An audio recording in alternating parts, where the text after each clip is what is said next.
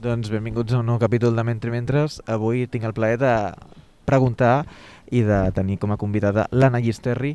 Uh, tinc aquí sobre la taula herois, però també tinc mites, que és de la Stephen Fry, que ha publicat ara llibres, en tercera edició, en aquest cas dels mites, i després tenim un seguit de llibres que va publicar Arcàdia, l'últim és aquest després de l'Apocalipsi, però n'hi ha d'altres, ha el Ricard Senet, i n'hi ha d'altres de posthumans i tot plegat ara, ara entraria, no? Perquè després hi ha tot un seguit, exacte, la Maribert, la Susan, la Susan Sontag, no? També, el sobre, crec que és un vinculat a una...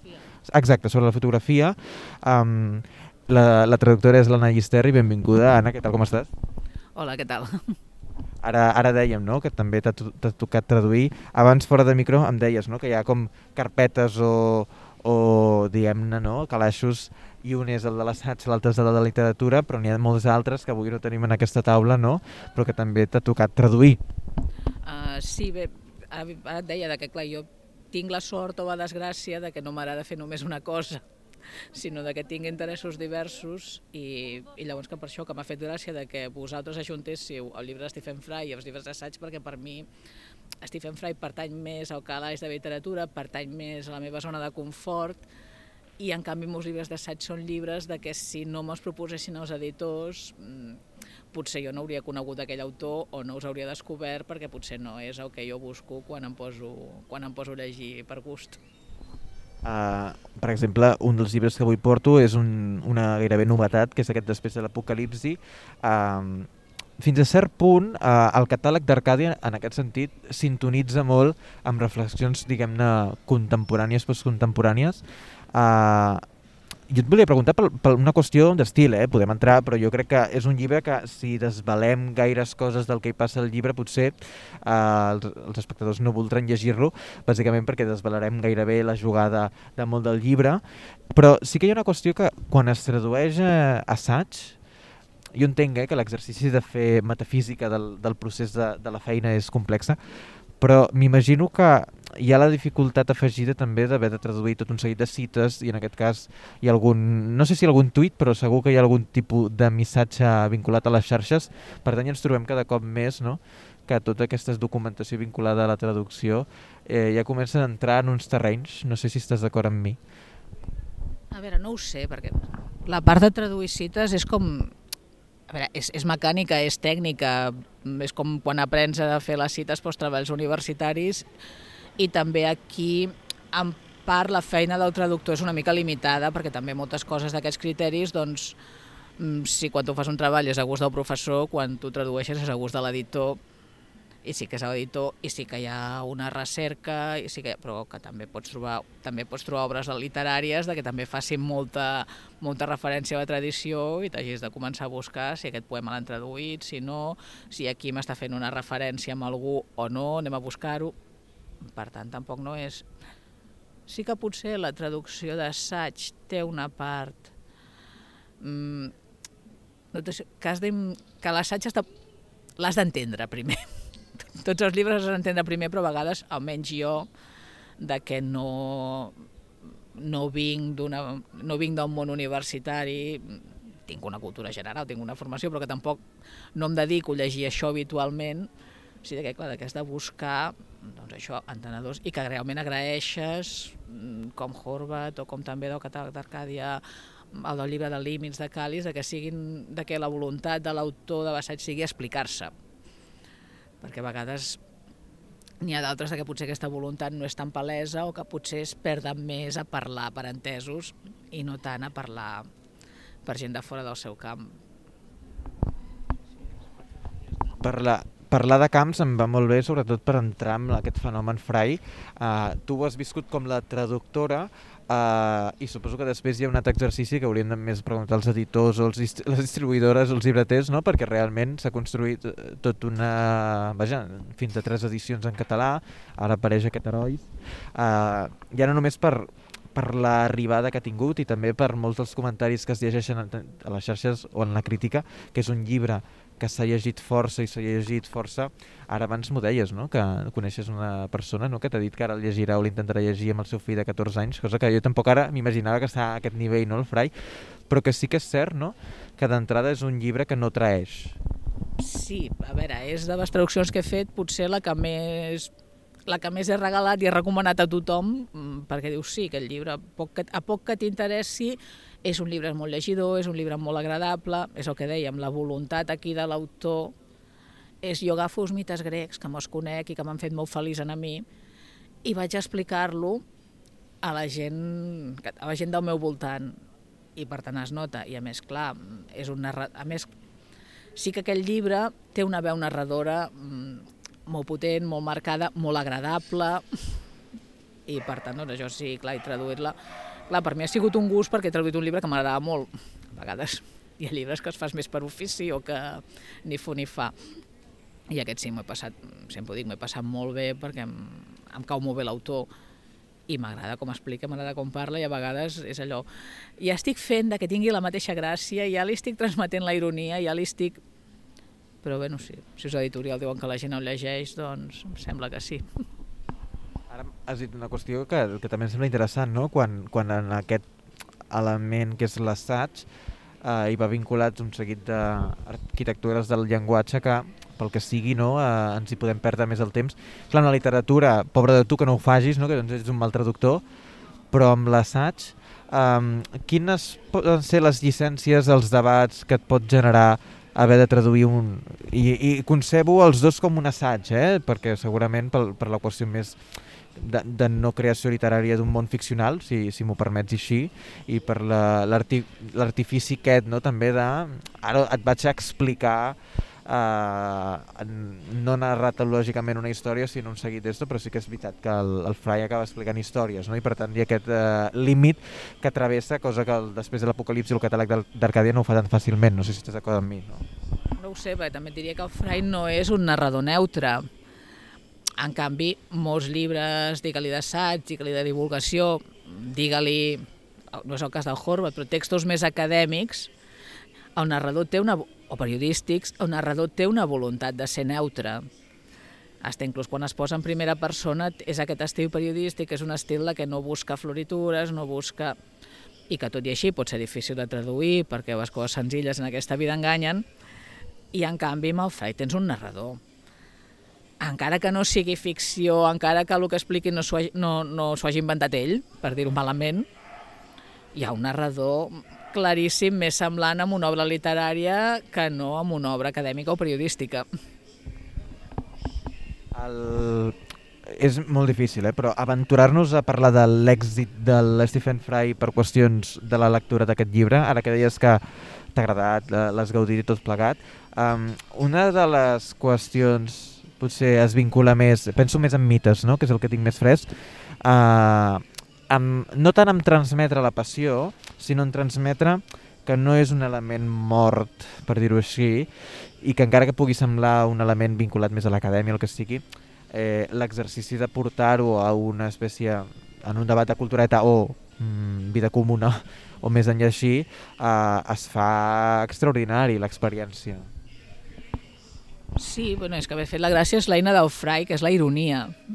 I a més a més, quan tu parlaves del lèxic o tal, és curiós perquè amb aquest llibre a vegades ens pagava més, no tant amb la part de clàssiques, perquè finalment la part de clàssiques és la nostra cultura, tenim diccionaris de mitologia, tenim enciclopèdies, tenim... Uh, i tot més o menys ens és prou conegut i com ens sona i tenim moltes adaptacions, sinó amb, amb el toc britànic. perquè clar, quan el, quan el frai s'acosta al seu públic, s'acosta des de la tradició britànica, que a mi ja m'agrada, eh? Però clar, però que a vegades dius... Clar, per, això es nota molt amb les notes a peu de pàgina, de que moltes vegades són això, són explicacions de com s'ha de pronunciar, com s'ha de... Clar, en català has de buscar un equivalent, perquè és que aquí no, no, estic, no estic acostant res, perquè això a casa tampoc no en gastem, per tant, no, no em servirà. I de fet, aquí que tens amb, una, amb herois, amb herois hi havia alguna nota a peu de pàgina que era merament la pronunciació, que dius, a veure, en anglès té gràcia, però és que això català ho pronunciem tal com sona, ho, ho llegim tal com sona, per tant, mmm, si se m'acut algun comentari bé, i si no, dir-li a l'editor, mira, potser aquesta nota mmm, no la posem perquè no, no aporta.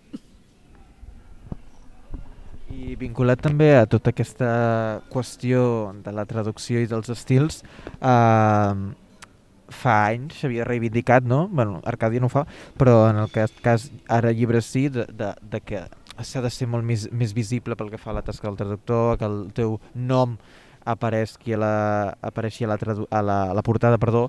Um, clar, aquí hi ha tot un debat que de tant en tant des d'espais de, de seminaris, de congressos de traducció encara s'hi posa molta èmfasi, de fet encara s'hi fan moltes entrevistes no, vinculades a això, no? a reivindicar la dificultat de l'ofici, de tot plegat. Um, en aquest cas, no sé si també com t'hi bellugues amb tot plegat. A veure, mm, quan tradueixes sempre tens moltes paradoxes, perquè s'ha de semblar original, però ha, de ser, però ha de ser una cosa que la persona que el llegeix mm, ho ha de reconèixer. I a veure, i ho vulguis o no, doncs si, si aquest senyor és britànic i fa una cosa que i menja entrepans de manteca de cacauet i aquí fins fa quatre dies eh, no és una cosa de que Toni la teva mare per berenar, doncs amb això has de lidiar amb aquesta distància que la posarà de més a més i, i, i com ho fas, tot això.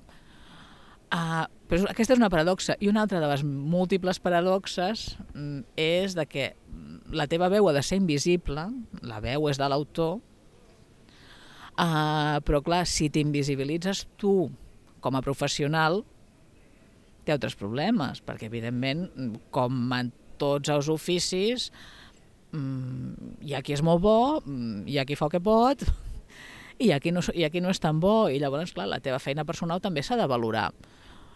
Mm, I que sigui coneguda, que la valori el lector final, doncs és una, és una part. A la pràctica, qui t'ha de valorar és l'editor, i si potser t'ho ha de valorar t'ho ha de valorar amb diners. no només amb agraïments. Però que, clar, però que si tens un lector informat, si tens un lector que sap que es valora aquesta feina i sap de que no tothom ho fa igual, que no la màquina ho fa igual, doncs tot això hi ajuda. Però clar, però sempre és un equilibri. Mm, és a dir, si algú em diu he llegit aquest text i has reconegut que l'has traduït tu, eh, doncs potser no és això. No l'hauries de reconèixer perquè vol dir que estan sortint els meus tics i no és de l'autor, que són els que han de sortir. Ara, el text he vist que estava molt cuidat, he vist que sonava molt bé, mm, ja veig que ho fas bé, doncs perfecte, però mm, si jo he traduït dos llibres diferents, haurien de... les veus han de ser diferents. Encara que jo hagi fet, en tots els casos, el màxim de bé i el màxim de natural per, mm, per apropar-me, però clar, aquesta naturalitat al final també ve de les meves del meu idiolecte, del meu de la llengua que he acumulat jo i de com l'he acumulat i és la que trec a l'hora de traduir, mm, intentant acostar-la al que diu cada autor. Per tant, doncs és això, equilibris com tot. I l'equilibri en el cas, ara m'ho has dit, eh, juvenil uh, de traducció de textos, Uh, nosaltres, com també eh, pel, pel públic que escolta el podcast, nosaltres perquè acabem de sortir de la carrera i venim també amb les floritures aquí també, no sé com es belluga aquesta situació, no sé com la... perquè nosaltres també la veiem amb una distància també una mica peculiar, si fóssim un mitjà de difusió estatal doncs tindríem algunes altres pressions, diguem-ho així, però no sé també com es vincula això al, al fet de... Això ho està llegint un nen, per tant, eh, censura. A veure, digue-li censura o digue-li això ho està llegint un nen, per tant sents un plus d'adaptació perquè mm, no és un... Ara, clar, ara també, comparat amb quan jo vaig començar, quan jo feia la carrera fa 30 anys, ara tenim internet, abans no ho teníem, per tant ara, si tu et trobes que estàs llegint un llibre eh, que et surt una cosa estranya, pots buscar-la a Google. Però un nen no podrà buscar-ho a Google. Mira, relacionat amb això, avui ha sortit a VilaWeb un article de la Tina Vallès, que em sembla que es diu Albert Gené Brand de Vespasa, Mm, molt recomanable perquè també parla d'això, de que, clar, al tenir lectors més joves hi ha un... de no voler-los posar les coses massa difícils. Però que també ara moltes vegades hi ha discussió de que es vol aplanar massa de dir és que aquesta paraula els nens no l'entendran. Bueno, pues que alguna paraula que no entenguin també s'han de trobar, que si no, no aprendran mai paraules noves.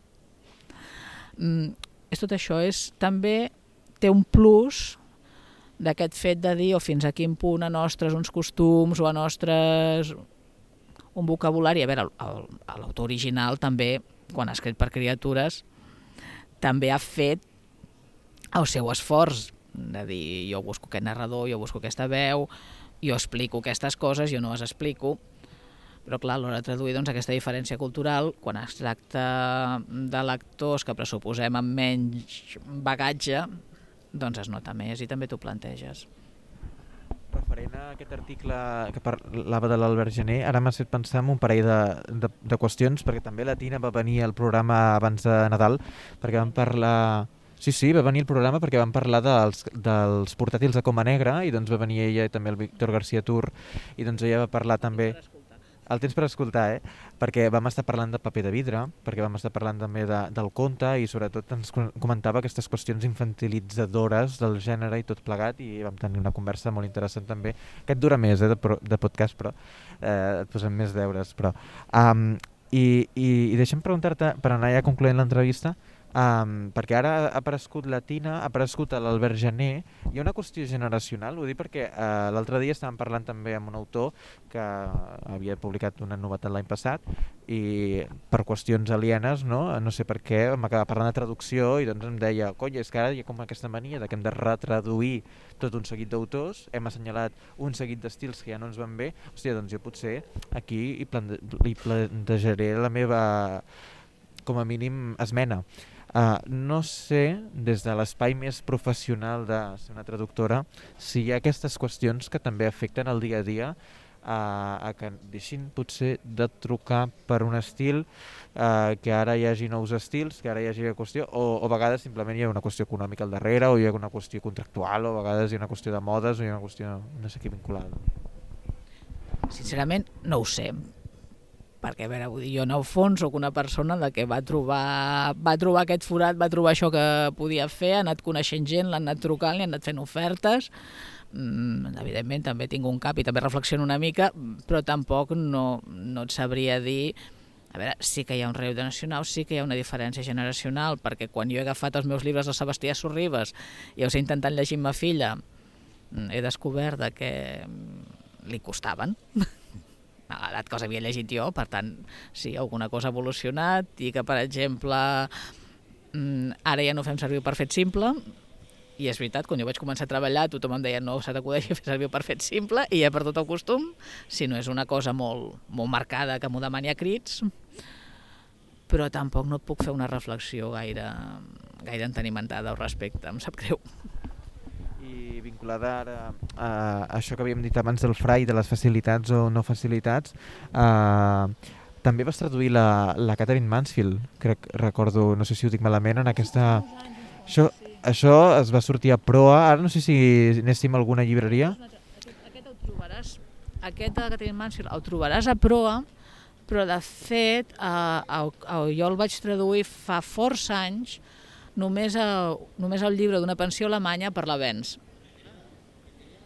i després, i després vaig, mm, es va fer una revisió molt així rapideta quan havia de sortir a proa però de fet és una traducció que per mi ja té, ja té, bastants, ja té bastants anys i et diré que era jove i bueno, encara tinc a vegades un punt d'inconsciència de vols dir que no et ve gran i t'hi poses i aventura. I aventura, no, clar, no sé si ens pots avançar coses que em puguis estar treballant, però la pregunta potser que et faria és, eh, ara avui hem presentat eh, llibres més vinculats a assaig, Uh, dels darrers eh, anys eh, podríem també trobar literatura o t'hagués agradat més, traduir més literatura o com va això? No ho sé, a veure, va, va com va. Mm, també és el que et dic, m'agraden coses molt diferents i quan em faig molt d'una trobo a faltar trobo a faltar l'altra, llavors no sabria què dir-te. A veure, sí de, clar, a veure, jo he sigut lectora de, de, de ciència-ficció i fantasia tota la vida i llavors fa un parell d'anys han sortit projectes editorials molt potents i m'ha fet una il·lusió molt gran poder treballar-hi, però potser estava fent coses de que no eren... Clar, però també això, vull fer coses... Ara no em ve... Ara no em ve, ara no em ve cap llibre al cap, però sí que alguna vegada he fet coses que dius, ostres, no ho hauria dit i realment aquest autor m'ha agradat o aquest o aquest, o aquest tema m'ha agradat, hauria de llegir més sobre el tema i després ha, ha quedat com ha quedat, però bueno, són coses, són coses que passen. Doncs, Anna Llisterri, moltíssimes gràcies. Eh, també no? ens ha fet feliç avui poder parlar amb tu d'aquests herois i d'aquests mites. És un llibre que, clar, quan, quan no tens un autor que sigui d'aquí és cosa de fer una entrevista no? i et demanes qui pot venir, qui coneix l'obra i doncs o trobes un lector embadalit que s'ha topat amb el llibre i té ganes d'explicar la seva revelació metafísica o mística, o en aquest cas no? hem acudit a la traductora d'aquests llibres. Sí, no, Frai realment és, són uns llibres que fan... A mi em va fer il·lusió mm, personal, però que realment són uns llibres molt, molt, molt bons per submergir-te amb això, i més si t'agrada l'humor, si t'agrada la ironia, i això ja esperem que surti la Guerra de Troia. De moment no m'han dit res, però jo vaig tirant la canya. Sí, sí, nosaltres ja fem aquí una petició popular perquè Anna Llisteri tradueixi la Guerra de Troia i vingui un altre cop al programa i doncs no sé si ens vestirem de gladiadors o qualsevol cosa, però ja demanaré a l'editorial, si plau si podem fer alguna cosa d'aquestes característiques.